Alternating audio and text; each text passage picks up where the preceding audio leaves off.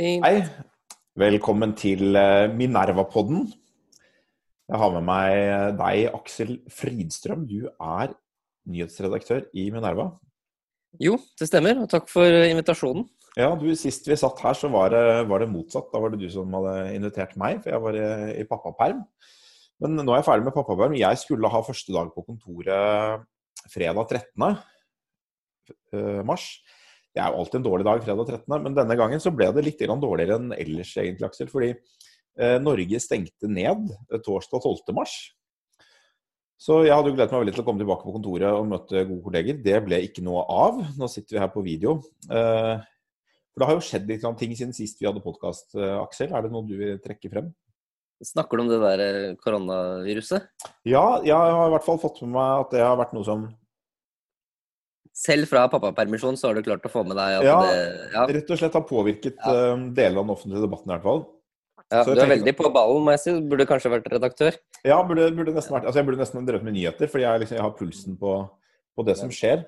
Så, så vi kan kanskje ta en prat om det vi også, Aksel.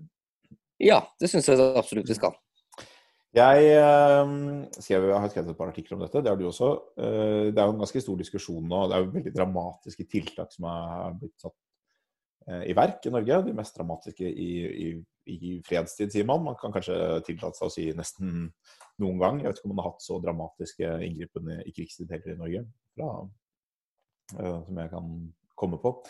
Og Det er jo veldig interessant. altså Hva er det, hva er det egentlig man prøver å gjøre her? Og det går en stor diskusjon. Er, er tiltakene verdt den enorme prisen? Jeg skrev en artikkel som bare het eh, to artikler. En som het 'Alt det som trengs', et sitat fra Erna Solberg. Og eh, en annen artikkel som het det, var riktig å stenge skolene'.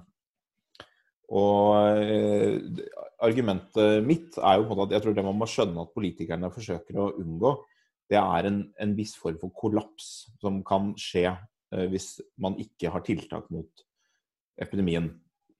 Eh, og så går det en måte debatt der ute. ikke sant? At vi, vi så på NRK på debatten hvor en, en lege snakket om 150 000 døde, mens andre sier det er bare de gamle som dør, og de dør uansett, og det er ikke så forferdelig farlig. og eh, og sånn. Eh, Og jeg tror begge deler bommer litt på hva som egentlig er både realiteten og hva som er den politiske utfordringen. For det er klart at det å bruke hundrevis av milliarder kroner på å redde en del eldre mennesker og syke mennesker, og en del andre selvfølgelig, det er jo et veldig dyrt tiltak. ikke sant? Og noen vil si kunne ikke heller brukt disse pengene på bedre helsevesen generelt, eller på, på alle hvert sitt favorittprosjekt. Alle har et favorittprosjekt som man kan bruke penger på. Ja, eller kreftmedisin. Altså andre liv. Kreftmedisin. Andre. Ja, ikke sant? Så Hvis man tenker på en sånn vanlig folkehelsemåte med hvordan man kan få flest kvalitetsjusterte leveår igjen for pengene, så har vi brukt altfor mye penger på dette her. Eh, Men jeg tror det som er den måten politikerne tenker på den utfordringen på, er at det som kan skje eh, med en pandemi av denne typen, er at helsevesenet kollapser. Eh, Og én ting er at det fører til økt dødelighet generelt, og flere unge mennesker vil dø av pandemien, og flere mennesker vil dø av alle mulige andre ting fordi helsevesenet er overbelastet. Eh, Men en sånn type kollaps i helsevesenet rokker på en eller annen måte ved statens fundament, ved tilliten til statsmakten. Og det kan bli en enorm kamp om helseressurser fordi folk er desperate. Ikke sant? At du, du vet at det er mulig å få behandling for dette.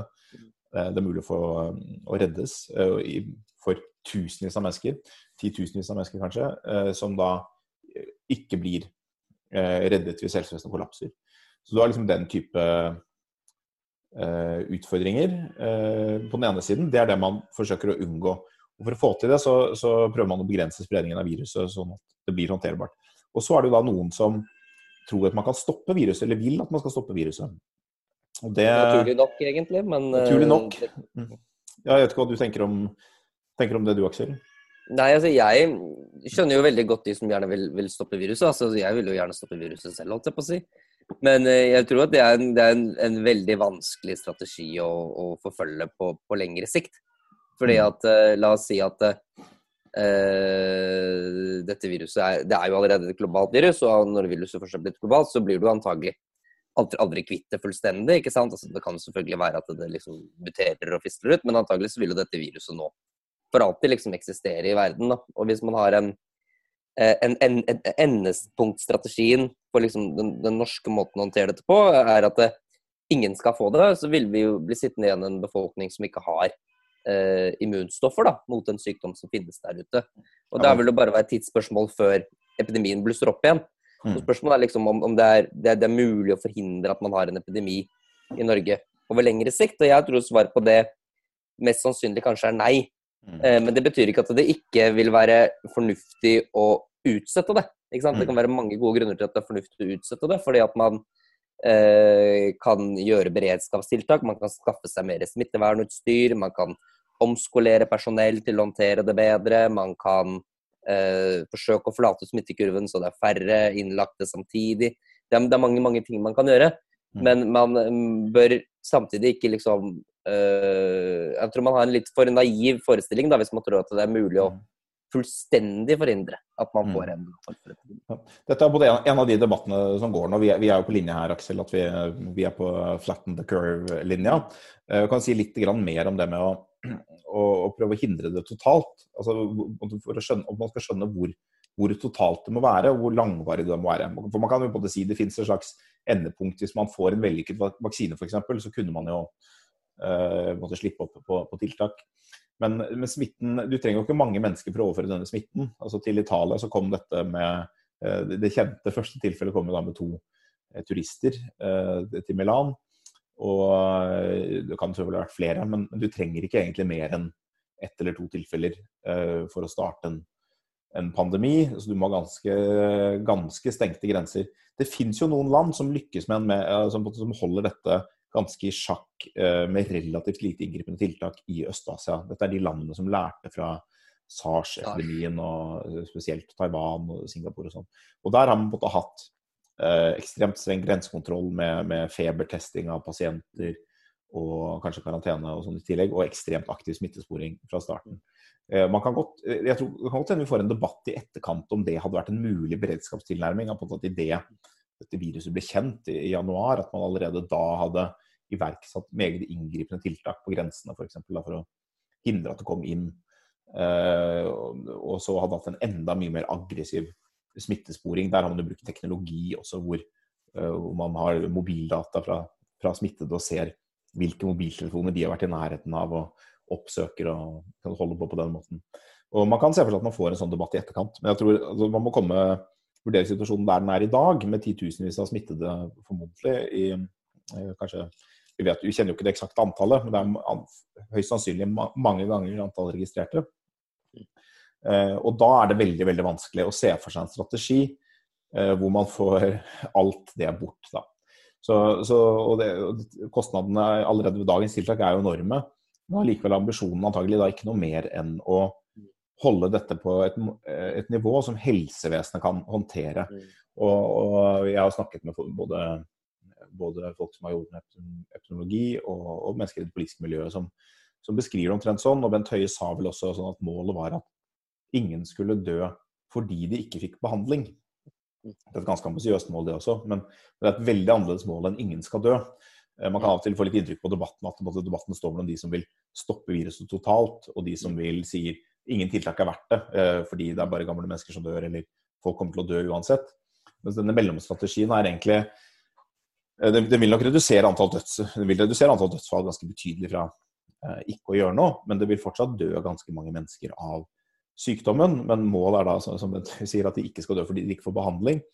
Fordi den situasjonen der veldig mange mennesker dør i et kaotisk helsevesen uten å få behandling, den kan risikere å bli destabiliserende. Og så er det selvfølgelig en annen side av det.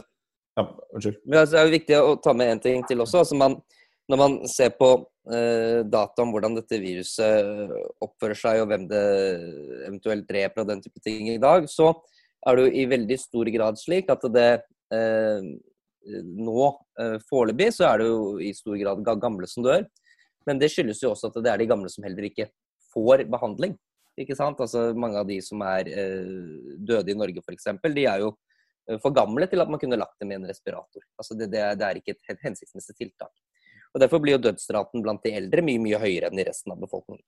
Men dersom du går tom for kapasitet, slik at du også er nødt til å si nei til yngre pasienter, så vil jo dødsraten også blant den yngre delen av befolkningen bli langt, langt høyere. Eh, så mye av denne, denne, diskusjonen om at det bare er, er de gamle som dør, er det bør man være litt forsiktig med, tror jeg. For det, det, er riktig at det er i hvert fall er de gamle som dør først.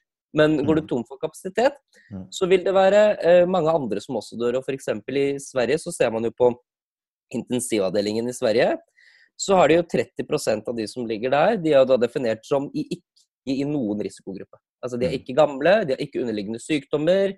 Eh, man vet ikke helt hvorfor de er der. Eh, og det er jo klart at eh, hvis man går tom for respiratorkapasitet, så dør mm. også disse pasientene. Og det er, et, det er, et, scenario som man virkelig bør strekke seg ganske langt etter å forhindre, for å si det sånn. Også betalingsvilligheten til samfunnet for, for å unngå å havne i den situasjonen bør være stor.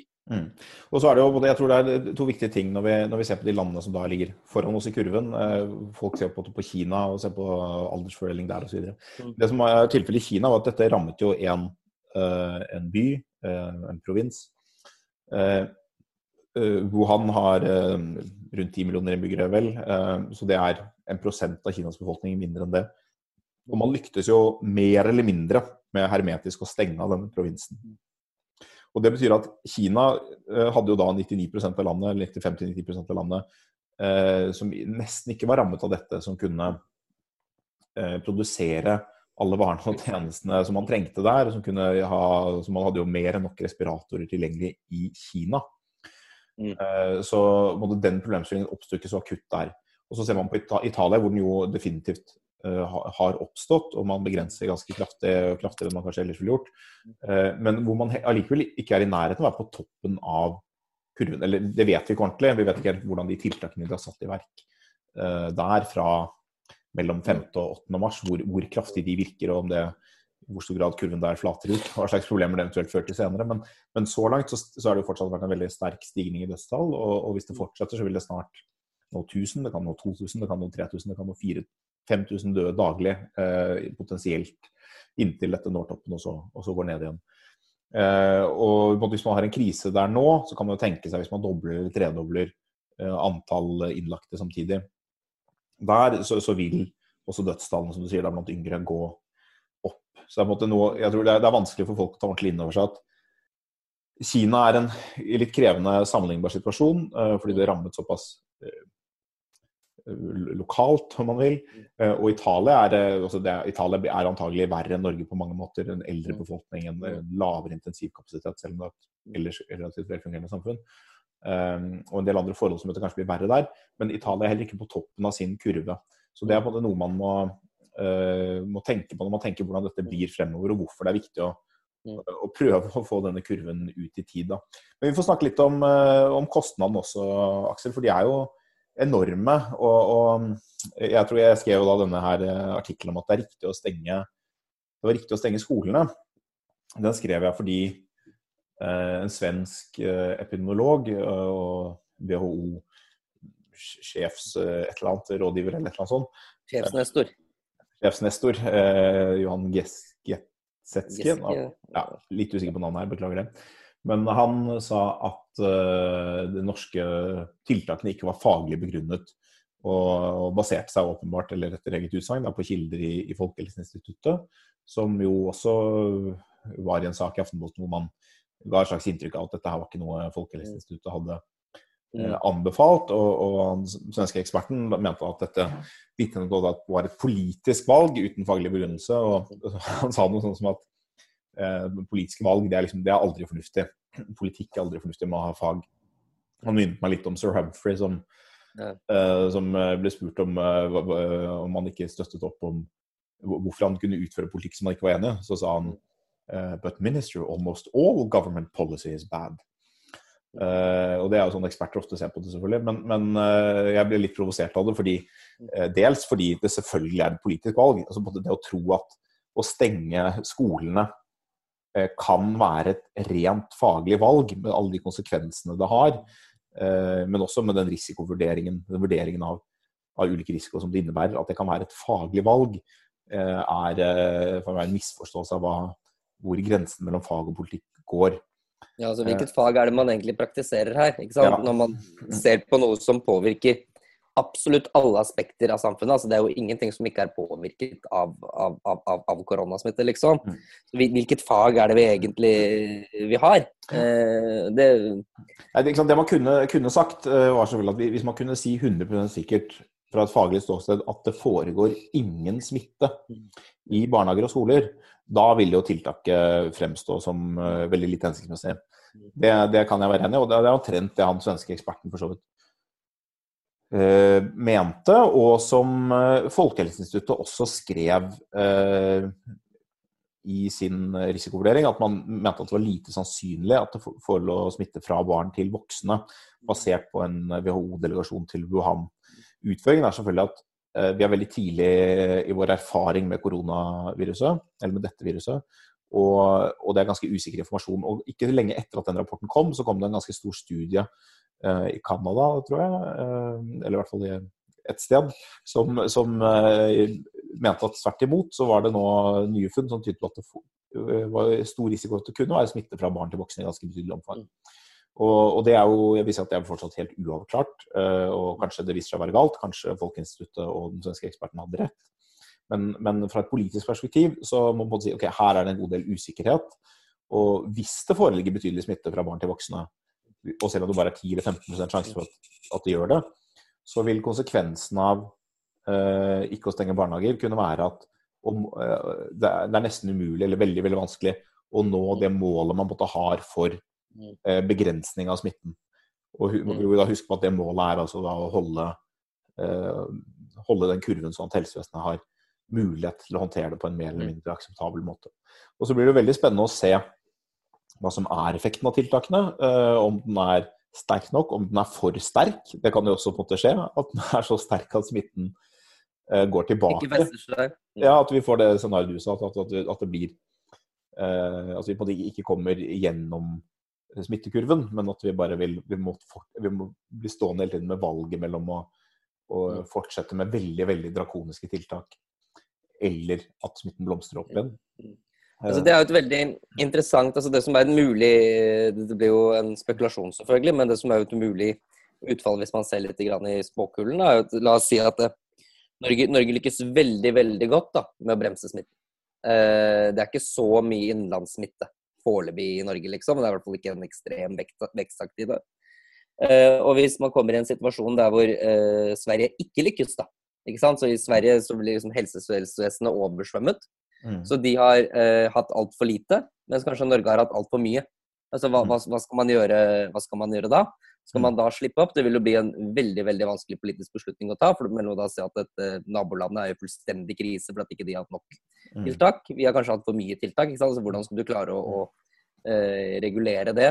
Eh, det vil jo bli en eh, i så fall en, en, en, beslutning jeg er veldig glad at jeg skal slippe å ta, i hvert fall. Ja, det er mange beslutninger her jeg tror man kan være glad for at man slipper å ta. Altså, det, det, er jo sånn at uh, Mange av disse smittevernsbegrensende tiltakene har, har, størst effekt i en relativt tidlig fase av spredningen. Mm. Og når man da har holdt på en god stund, med, så lenge det er fortsatt spredning, så lenge det ikke er liksom null spredning, Eh, når man da har holdt på en god stund, så vil en relativt stor andel av befolkningen uh, ha vært gjennom det, og, og mm. toppen vil kanskje være nådd på intensivavdelingene og i helsevesenet. Mm. Og da vil effekten av å slippe opp uh, være mindre for helsevesenet. Og så kan man jo også da håpe mm. at i mellomtiden så kommer det kanskje elementer av en behandling. Uh, man har ikke i dag noen spesifikk behandling for, for sykdommen. Og kanskje til og med liksom, tidlige varianter av vaksiner eller serum eller et eller annet. Det, det får vi se. Men jeg tenkte si, jeg tenkte å snakke om et litt annet aspekt. for Jeg holder på å skrive en artikkel om USA Eh, som kanskje er publisert innen, innen lytterne hører dette. Men uh, hvor, hvor, man jo har vært veldig trege med å sette inn tiltak. Og sånn er det jo en del land. Så de fleste land setter inn tiltak for sent, eller relativt sent. Noen har en bevisst strategi, sånn som Sverige, Nederland, Storbritannia. De, de setter i verk tiltak, men de setter i verk færre tiltak i Norge. Men så er land mm. som USA som, som måtte ha ventet til uh, dette har spredt seg ganske betydelig, før man i det hele tatt har måte, meningsfulle uh, smittevernbegrensende tiltak. Og uh, jeg tror jo da altså I går så var det første dag hvor det døde mer enn 100 mennesker i USA, spesielt i New York, hvor dette har spredt seg veldig raskt de siste dagene. Eller hvor det har økt veldig kraftig. Og jeg tror at hvis du to uker frem så vil dette tallet mangedobles, opp mot kanskje 1000 mennesker daglig. Vi får se hvor mye de tiltakene som har vært satt i verk, har virket. Men jeg tror noe av grunnen til at det tar så lang tid å sette i gang tiltak i mange land, det er at man reagerer ikke ordentlig på, på denne pandemien før døden kommer veldig nær deg selv. Eh, og det gjelder, det gjelder befolkningen, eh, og det, og det gjelder i, noe, i varierende grad da, politikere. Så eh, man, man, ser jo på en måte det. Vi kan jo huske hvordan det var i Norge også for uh, to uker siden. At vi, vi, var klar over at dette var en situasjon, men uh, det, ikke, det, ble jo ikke ordentlig dramatikk før den pressekonferansen uh, på torsdag, torsdag 12. mars. Um, og det var faktisk da før det første dødsfallet som kom, kom samme kveld. Men uh, i mange land så ser du at det, dør én og det dør to. Det er store land, det dør alltid masse mennesker. Men det er først når man ser at de tallene begynner å vokse veldig fort. At En dag dør det fem, så dør det 20, så dør det 40, så dør det 100, så dør det 300. Er den kurven Spania på vei gjennom nå? Da får man panikk, og så stenger man ned, ned samfunnet. Men utfordringen med det er at idet du på en måte stenger ned samfunnet, hvis du ikke har hatt veldig mye smitteverntiltak før det, så tar det kanskje tre, to til tre uker før det gir seg veldig utslag i, i dødstallene. Fordi det tar lang tid fra du smittes til du dør. Ja, ja. Eh, så du, du, har en latensperiode, og så har du en uh, utviklingsperiode av sykdommen, og så havner du på sykehus, og så havner du på intensivavdeling og respirator, og så til slutt så dør du. For manges vedkommende, da. For noen går det så veldig fortere. Uh, og det måte gjør at uh, folk sitter jo da og ser på Når folk sitter og ser på antall smittede i dag, antall registrert smittede på VG eller på globale sammenligninger og sånn, og så ser de på antall døde, og så regner de prosent som om noen av de tallene er relevante. Der sitter du egentlig med to irrelevante størrelser, eller relativt lite relevante størrelser, hvor det ene er antall registrerte smittede, som har en mer eller mindre ukjent korrelasjon til uh, det faktiske antall smittede.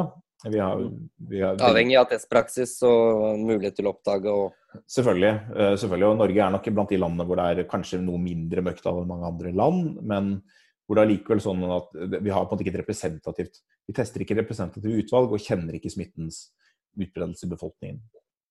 Uh, og vi kan lage modeller, og de vil stort sett antyde at det er ganske store, ganske store mørketall. Men vi kjenner jo heller ikke hospitaliseringsraten eller dødsraten, så er, vi, vi, vet ikke liksom, hva, som er, hva, som er, hva Men i de fleste land så er det ganske sånn uh, Det er ganske åpenbart at det ikke er noen helt klar korrelasjon mellom de, de tallene. Det er jo det ene. Det andre er at man man ser på dagens dødstall som om det sier noe om dødeligheten.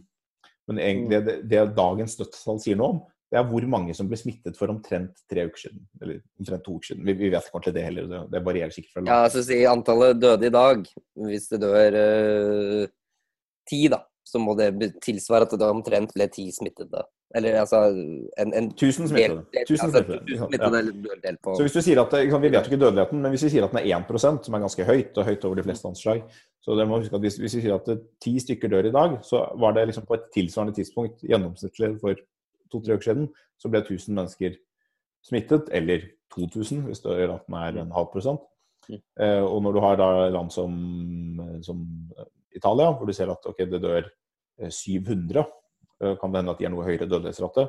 Så skjønner man at ok, på et eller annet tidspunkt for to uker så ble det smittet et sted mellom 30 og 100 000 mennesker på én en enkelt dag. Da skjønner man hvor spredningen er. Også I store land så kan jo det pågå ganske lenge. Det er mange igjen å smitte fortsatt. Eh, så de får en ganske lang topp med, med veldig høye tall. Og USA er da på vei inn i den situasjonen, og så blir det spennende å se. Jeg er ganske sikker på at i USA så vil vi se veldig rask vekst Eh, i to uker fremover, minst, fordi tiltak kom på plass så sent. Det er først, det er først de siste dagene egentlig at det har kommet virkelig kraftfulle tiltak der. Og så er jo USA en, en føderalstat med, med 50 delstater og noen territorier som har ulike praksiser.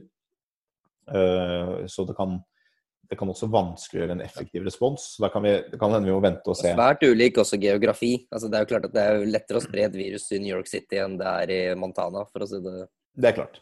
Så det er, så det er, vanskelig å, det er ekstremt vanskelig å modellere dette fordi det er så mm.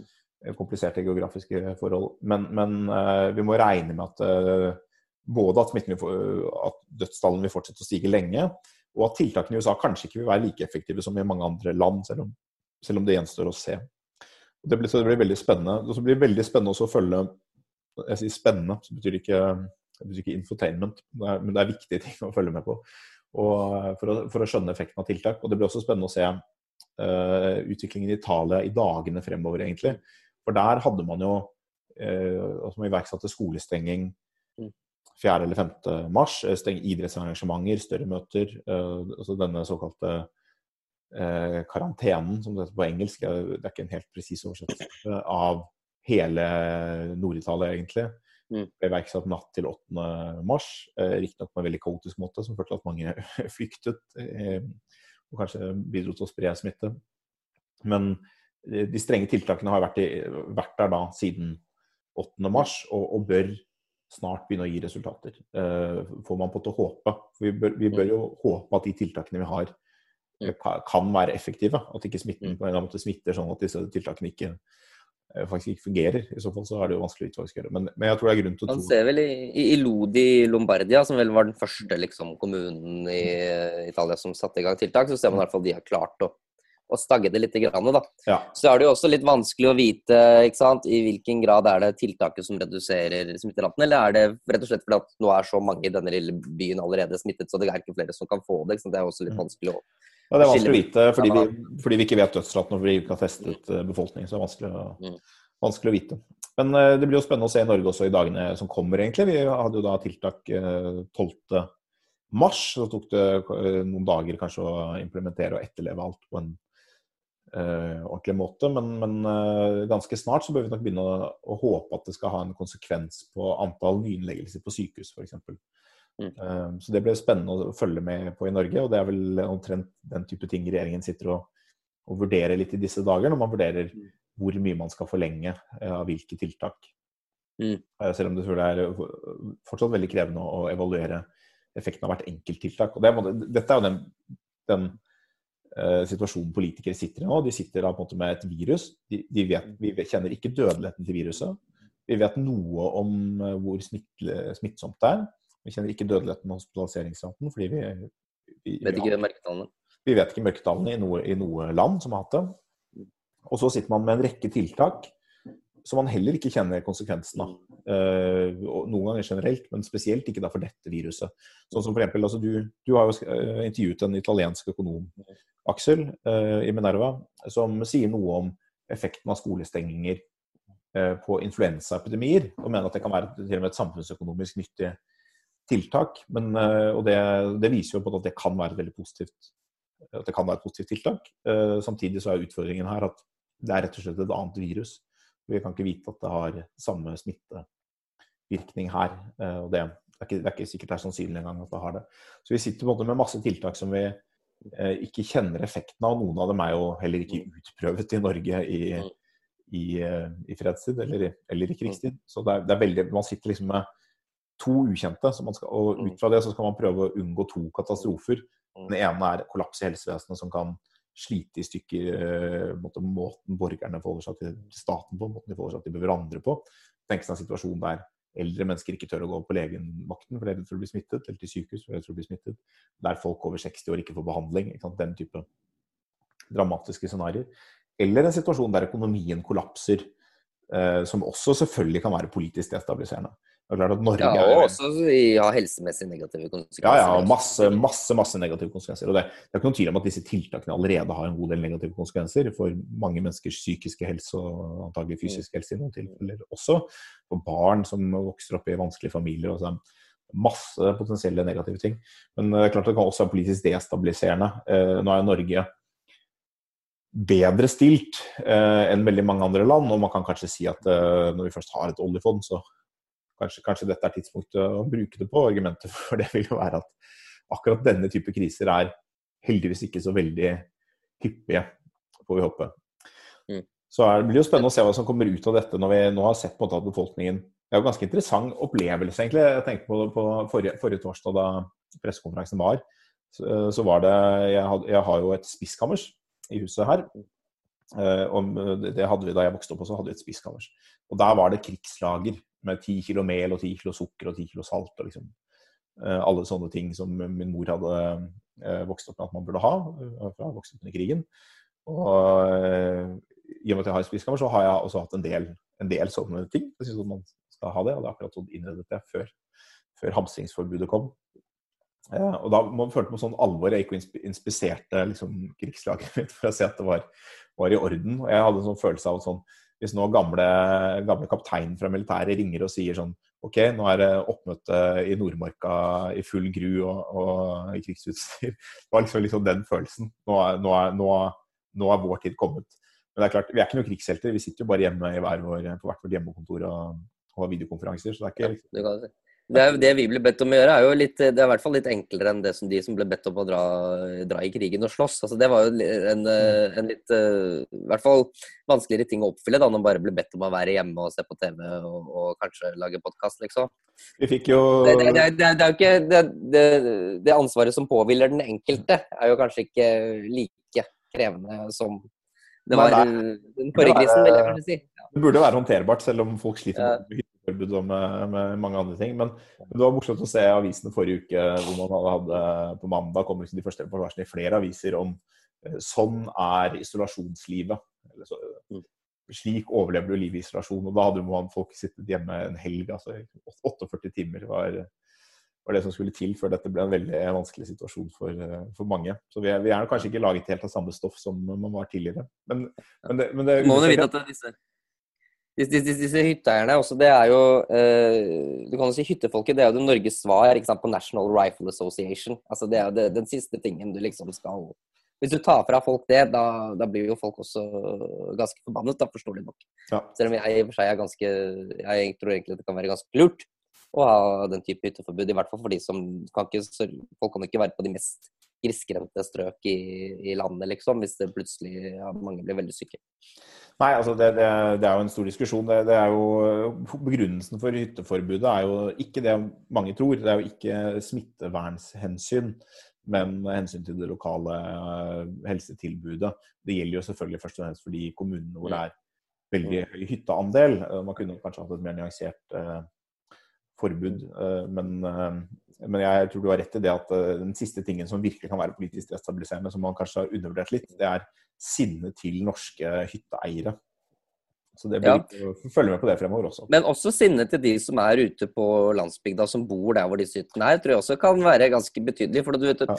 i Oslo, da, hvor det, det, er jo mange av hytteeierne de bor, gjerne, bor jo gjerne i Oslo, og der er det jo eh, veldig veldig god sykehusdekning. Iallfall bedre sykehusdekning i Oslo enn det er i perifere strøk. Så hvis mm. alle de som da er Oslo-boere, drar ut på, i distriktene og så belaster helsevesenet der, samtidig som det skal være masse ledig kapasitet i Oslo, det er jo heller ikke en helt ideell ideelt scenario, da, hvis det liksom, eh, ting kommer under press. Nei, Vi kan få en ny, ny liten uh, tvist på by-land-konflikten. Det tror jeg absolutt man kan få. Og det er det man ser også det, disse tiltakene i Nord-Norge hvor de skal ha karantene for folk fra sør. Det hadde vært morsomt å prøve å, å, gjøre det motsatt vei og si at folk som skal sørover over Dovre, må i karantene.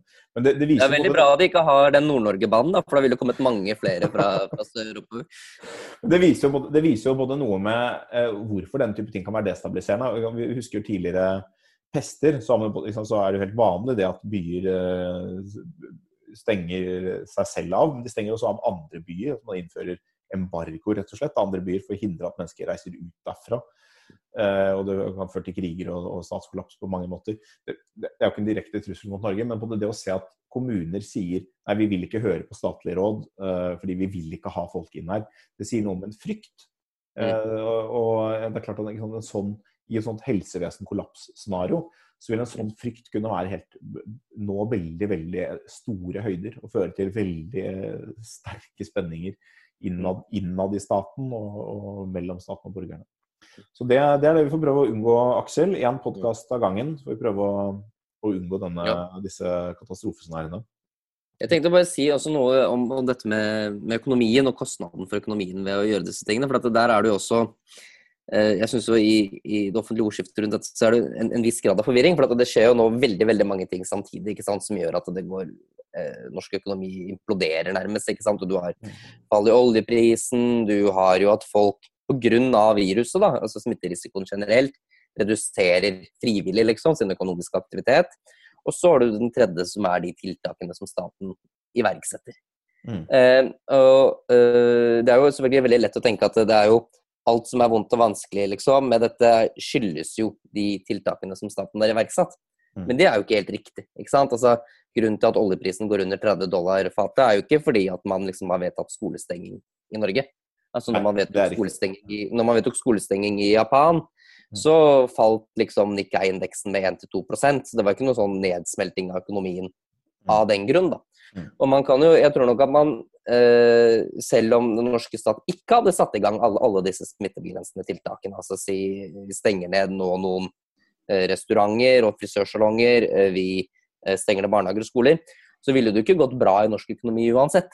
Eh, og det er, det er nok neppe disse smittebegrensende tiltakene som er iverksatt, som er det som forvolder mest skade på økonomien. Mm. Eh, så man må være litt grann forsiktig med liksom, når man sier at det, eh, og disse tiltakene koster mye mer enn de smaker. Ja, men du vet ikke helt egentlig hvor mye disse tiltakene koster. Og det som han, som jeg intervjuet, da, han eh, forskeren som hadde sett på da skolestenging og hvordan det liksom påvirker eh, den økonomiske aktiviteten og den type ting, så peker ikke han på at det er kjempekostbart. I hvert fall ikke hvis det liksom er en begrenset, begrenset periode. Mm. Altså Det har en viss kostnad, men den er ikke ekstrem. Liksom.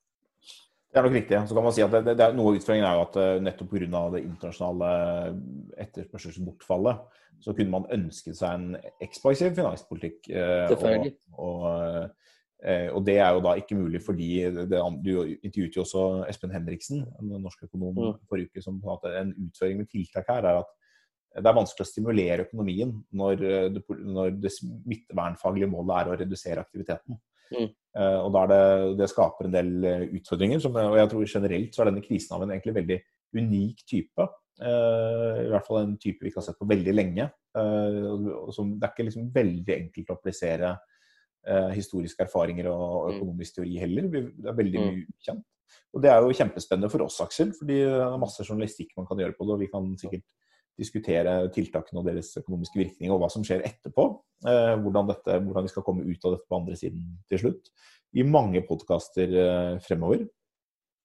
Så Ja, med mindre epidemien er over til neste uke, da. Da får vi finne på noe annet. da finner vi på noe annet. Men du, det er en ting vi har glemt å si, Aksel. Det er at eh, det er mange, mange av våre lyttere som, som er helt desperate til å vite hvordan de kan betale uh, for Minerva, sånn at vi ikke går konkurs, og sånn at du og jeg kan fortsette å lage podkast. Har du noe- noen kloke ord til dem? Ja, da kan du tegne et abonnement. Og det gjør du fra nettsiden. Ja. Og det er jo da tre forskjellige abonnementer. Det er jo da et månedsabonnement, 89 kroner i måneden. Bør du da få lese alt innhold på nett. Eller hvis du vil forplikte deg for et helt år, så koster det 699, så det er jo da 30% rimeligere. Eller eventuelt så kan du ha et årsabonnement med papirtidsskrift til kun 1050. Og det er det, det er det de fleste foretrekker. For Ja. dette er det som gir oss mest penger. Jeg vil også øh, anbefale folk å å benytte seg av disse fantastiske tilbudene, også fordi Minerva rammes selvfølgelig også delvis av dette her. Vi får litt annonsebortfall og andre ting. Og øh, det er veldig fornuftig at øh, mennesker Det er masse konsum man da ikke kan ha i dag, fordi aktiviteten jo da skal opphøre. Man kan jo f.eks. ikke gå på og drikke seg full i Oslo lenger på et utested. Mm. Eh, og de pengene man sparer, de bør gå til å holde hjulene i gang i, i det som kan holdes i gang. Og Ja, prøver, der kan du rose ruse deg på anekdoter og metaforer. ja, så vi prøver å holde hjulene i gang, og vi trenger jo da folkets støtte. Så det får være siste ord for oss, Aksel. Ja, takk for praten. Adjø.